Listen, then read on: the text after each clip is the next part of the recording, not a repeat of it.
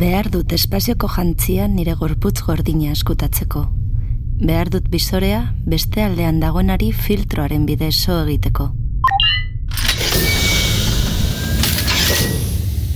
Kaiola beharrezkoa dut. Beste niaren bilaketa soroan nagoela, planeta honetara heldu berri naiz. Atmosfera atzerritar honen kontra jo dut eta bapatean, heldu zaizkit bestelako ahotsak.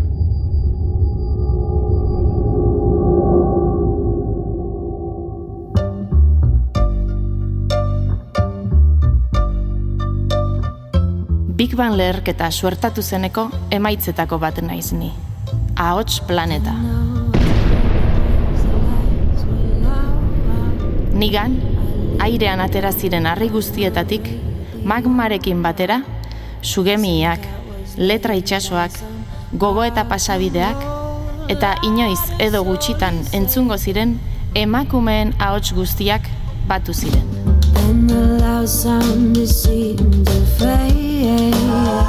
Literatura ahotsak. Emakumeek idatzitako letrak jaso eta espaziora botatzen ditut ezagunak izan daitezen.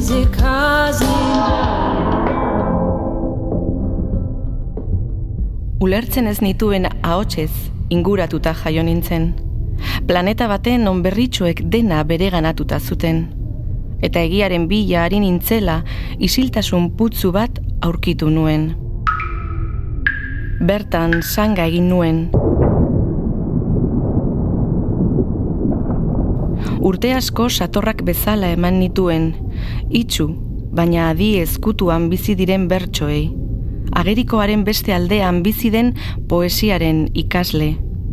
Planeta bat non emakumeen ahotsa entzun egiten den. Ez da itzontzikeria hutsa, eleen lurra, bada ahots planeta.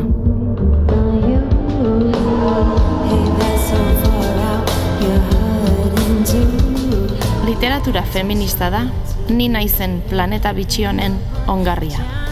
Eta jaiotza espontaneoko landaretzaz josita dago. Liburu landareak, paster guztietatik azten dira eta. Hoiek dira, apurka apurka, xeatzen joango direnak nirera iritsitako kosmonauta. Garazi albizua. Eta zurupeko nauta. Idoia karraminana.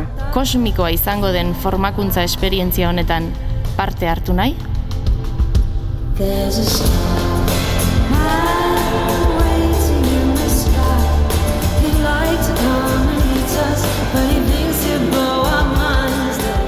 Planeta, Euskal Itazleen elkarteak eta asko fundazioak sustaturiko podcasta da. Laste erentzungai, zure audio plataforma gogokoenetan.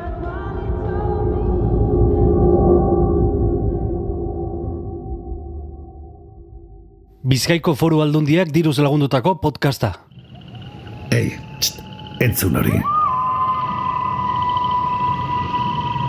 Ulu media.